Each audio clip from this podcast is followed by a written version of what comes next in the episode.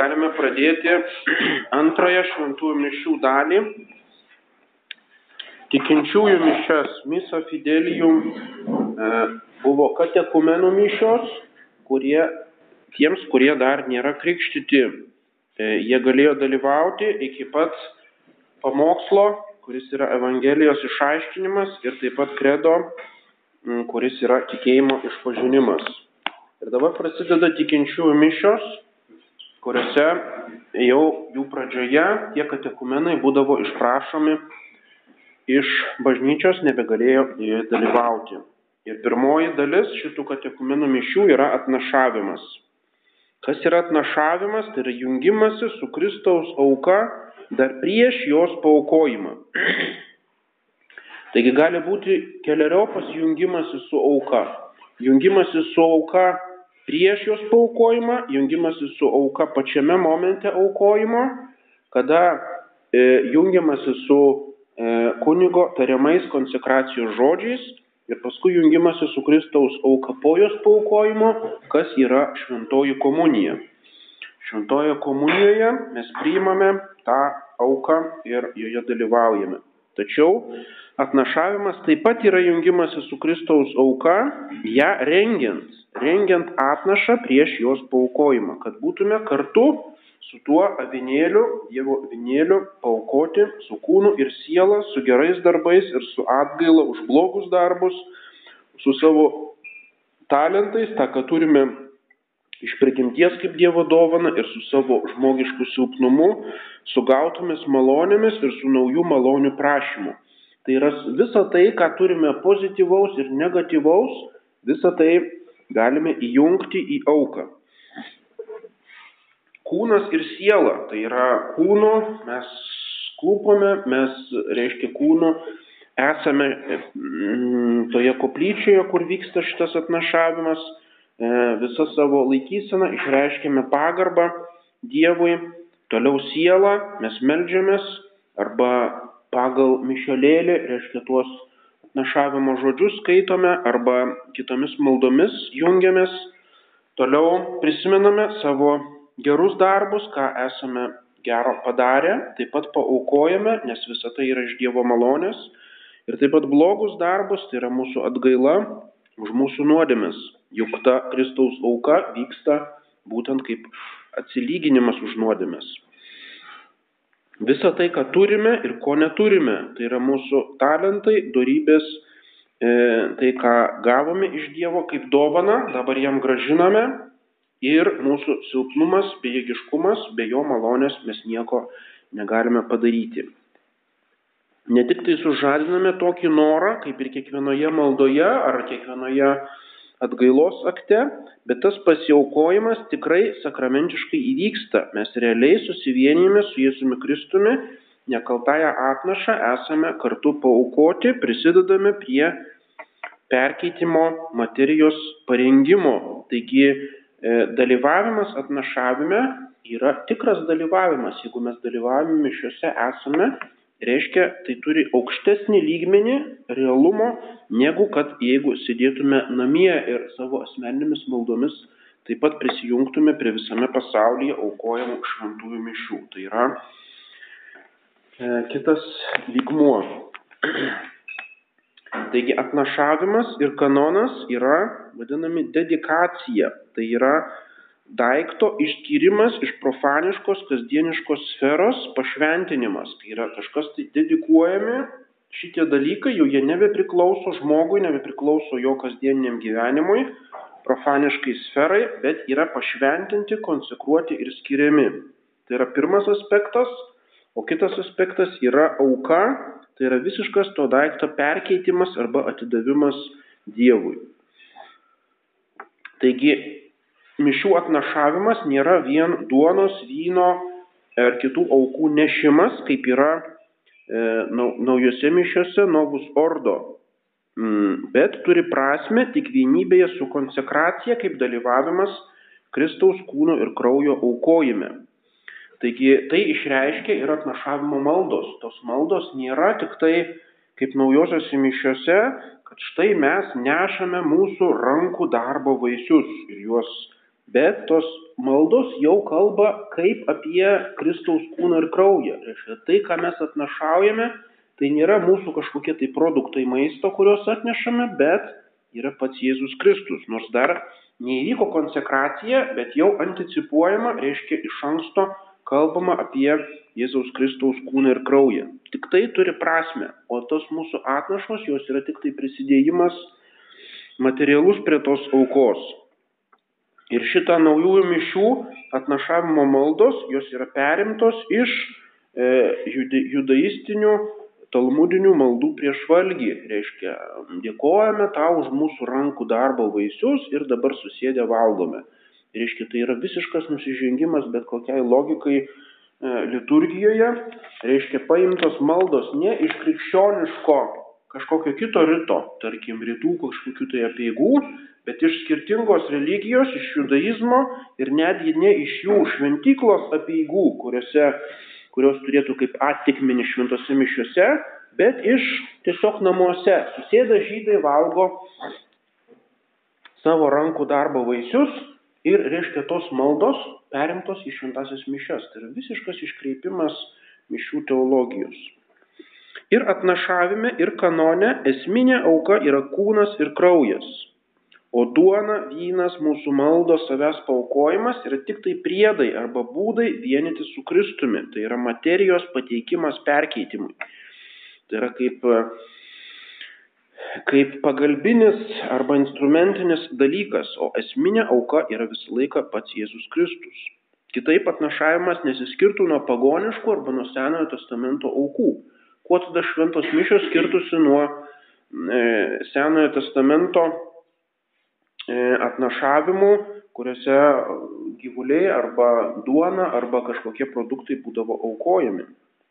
Kokią vertę mūsų išganimui ar Dievo permaldavimui gali turėti gabaliukas duonos ar taurė vyno, šitie žmogaus rankų darbo vaisiai, nu, tai čia jokinga, ar čia mes kažkaip pagerbėme Dievą, Jeigu mes atneštume didžiulį kepalą duonos, kurį ten pusę dienos kepė labai gražų kokį nors, arba ten super aukščiausios rušies vyną, kuris ten 20 metų būdavo, buvo kažkur saugomas, tai galėtume sakyti, kad mes kažką materialiai vertingo, reiškia, atsisakome, išsižadame iš savo turto ir tokiu būdu pareiškime dievų kultą. O dabar iš parduotuvės, reiškia, liturginių reikmenų nupirktos už kelis eurus, reiškia, kelios ostijos ir šlakelis paprasto mišių vyno. Tai ar čia yra Dievui skiriama kažkokia auka, čia yra jokinga net taip galvoti.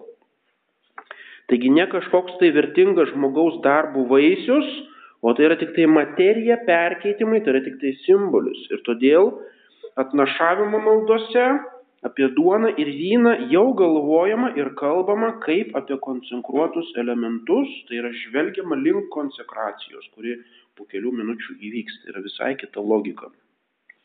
Taigi, kas yra materija? Yra grinų kviečių duona ir vynogių vynas su trupučiu vandens. Ir tai yra dogmatiškai būtina, kad įvyktų auka ir kitokios, kitokia materija negalioja. 109 psalmė yra tie žodžiai, esi kunigas Melchizedeko būdu. Jėzus Kristus, busimasis mesijas, yra kunigas ne Aarono būdu, ne Aarono linijoje, nes Jėzus Kristus buvo iš, iš karaliaus Dovido giminės, tai nėra kunigiškoji linija, reiškia yra specialiai atskirta nuo to Senojo testamento kunigystės ir jų materialių aukų, bet Mesijas bus kunigas Melchizedeko būdu, dvasiniu visiškai skirtingų būdų. Po Abraomo pergalės, kaip skaitome pradžios knygoje, Melchizedekas aukojo duoną ir vyną. Ne kaip kitose aukose, kažkokius gyvulius, jų kraują ir taip toliau, bet duoną ir vyną. Taip ir Kristus būtent naudoja duoną ir vyną kaip materiją paskutinėje vakarienėje ir tas pats perėjo į krikščionišką liturgiją. Duona ir vynas yra įprasčiausi visur randami kilnus produktai, reiškia artimųjų rytų kultūroje, kurioje susiformavo krikščionybė. Ar tai būtų šventoji žemė, ar tai būtų vėliau Graikija, Roma, reiškia visas viduramžių, viduržėmė jūros regionas. vietoj savo gyvybės atiduodam tai, kas tą gyvybę palaiko. Reiškia, atiduodame nebe savo gyvybę, bet kaip substitutą, pakaitalą, e, tuos dalykus, kurie būtini kasdieniam gyvybės palaikymui. Ir duona ir vynas tampa Kristaus kūnu ir krauju mūsų dvasiniu maistu, tai yra susivienimo ant gamtinės gyvybės teikimo simbolis. Taip kaip duona ir vynas teikia natūralią galę mūsų gyvybės pratesimui, taip Kristaus kūnas ir kraujas e, mūsų antgamtinė gyvasti išlaiko ir pratesia ir įgalina. Ir taip kaip puotoje arba e, atėjus į svečius dalinamasi duona ir vynas, vaišės arba kartu valgymas yra kaip vienybės simbolis tarp žmonių, taip e, būtent šventosios mišios yra dalinimasis Kristaus kūnu ir krauju, tai yra susivienimas su Jėzumi Kristuje toje amžinojoje vestuvių puotoje. Pats Jėzus Kristus save vadina duona, kuri atėjo iš dangaus ir taip pat vadina vynmedžiu, iš kurios spaudžiamas vynas. Kad grūdas taptų duona, jis turi būti iškultas, sumaltas, iškeptas, kad vynogė taptų vynu, turi būti išspaustas spaustuve ir surūkti. Ir taip, tai yra Jėzaus kančios simboliai. Taip ir Jėzus Kristus savo kančioje buvo iškultas, sumaltas, iškeptas tos kančios ugnyje ir būtent kaip krikščioniškoje ikonografijoje yra tas e, mesijas, kaip, e, kuris reiškia mina tas vynogės ir išspaudžia iš jų spaustuve e, vyną, reiškia išsunktas Jėzus Kristus buvo visas jo kraujas perkeistas kančios karščio. Taip pat tai yra mistinio Kristaus kūno, tai yra bažnyčios simbolis. Taip kaip iš daug grūdų gaunamas vienas duonos kepalas arba iš daug uogų gaunama vienas vyno, viena vyno taurė, taip iš daug tikinčiųjų kūrėsi viena bažnyčia, kuris su Kristumi aukojasi tėvui už pasaulio išganimą. Taigi matome daugia pakopius simbolius būtent Euharistijoje. Senovėje vynas visada būdavo skiedžiamas vandeniu. Ir tik tai armėnai monofizitai ėmė nebepilti vandens, kad pabrėžtų savo būtent tą ereziją, jog Kristų yra tik viena dieviškoji prigimtis, atsisakė tos, bet visos kitos rytų liturgijos taip pat visą laiką įpila vandens lašelį į taurę. Ir nuo paštalų laikų būtent Euharistijoje visą laiką tas buvo išlaikoma simbolika. Tas vanduo yra Senojo testamento simbolis, reiškia Senasis testamentas perkeičiamas į naująjį, į vyną ir taip pat liaudės simbolis, reiškia visi krikščionis arba mano siela įsiliejame į tą e, vyną, lyg ištirpstame jame, susivienijame su Jėzumi Kristumi jo aukoje. Tampame, galima sakyti, tam tikrų būdų Kristumi, esame kartu su juo paukoti.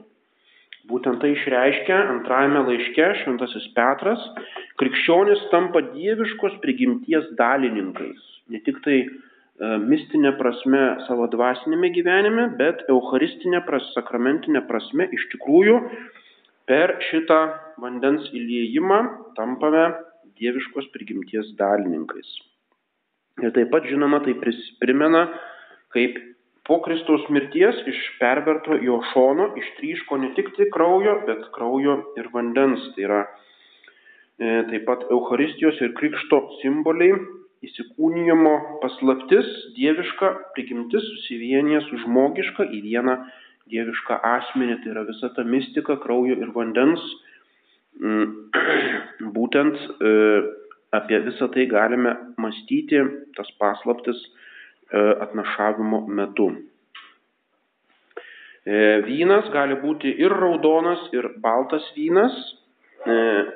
Senovėje būdavo daugiau raudonas, kadangi primena kraują, bet paskutiniais amžiais vakaruose nusistovėjo baltas tiesiog grinai dėl techninio patogumo, kad nereikėtų po kiekvienų šventų mišių skalbti tų purifikatoriaus ir kitų mm, baltinių.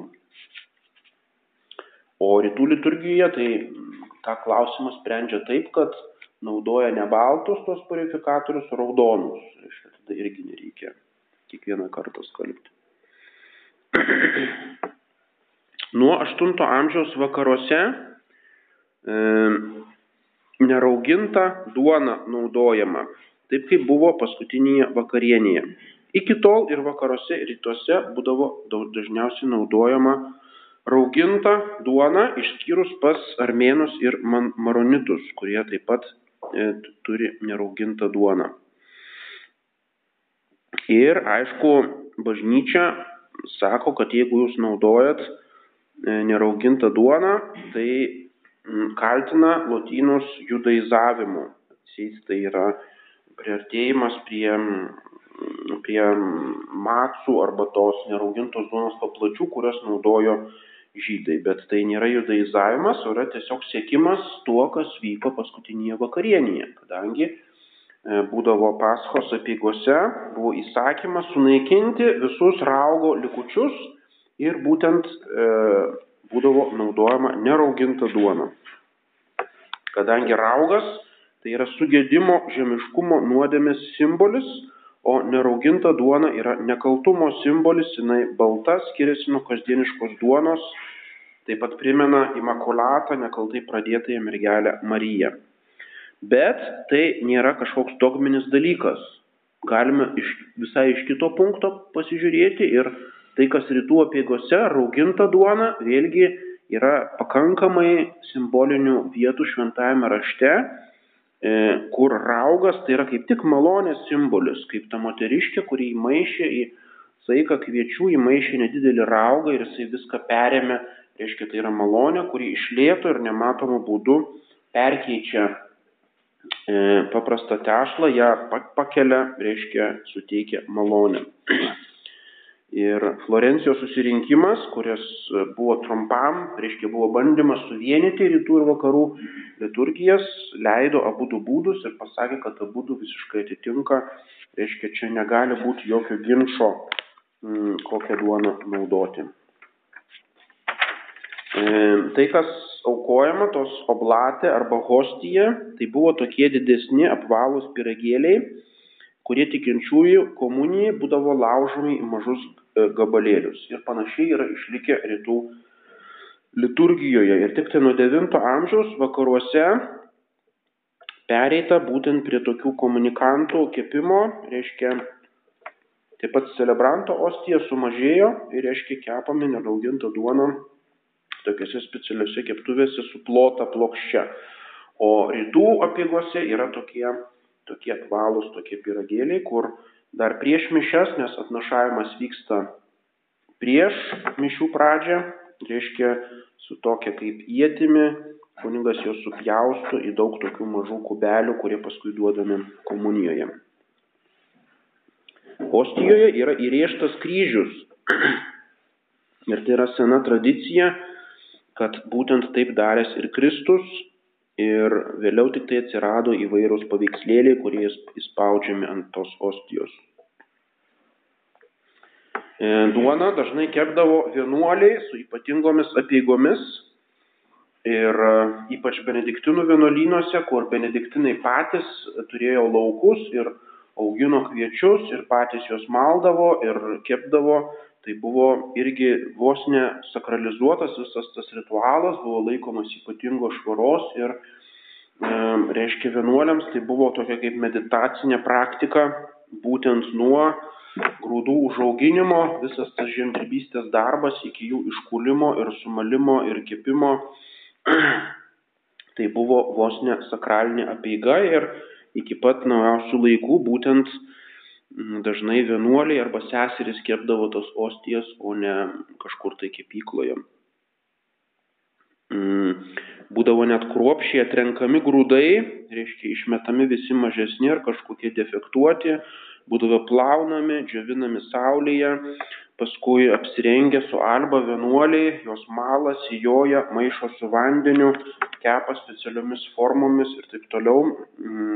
Ir nežinia iki kurio laiko būtent tos visos apėgos išliko vienuolynuose, dabar neteko girdėti, kad mm, būtent kažkur tai būtų tos vienuoliška tradicija toliau tęsiama. Ir tai yra būtent tai ypatinga pagarba tiems elementams, kurie taps Jėzus Kristaus kūnu ir krauju.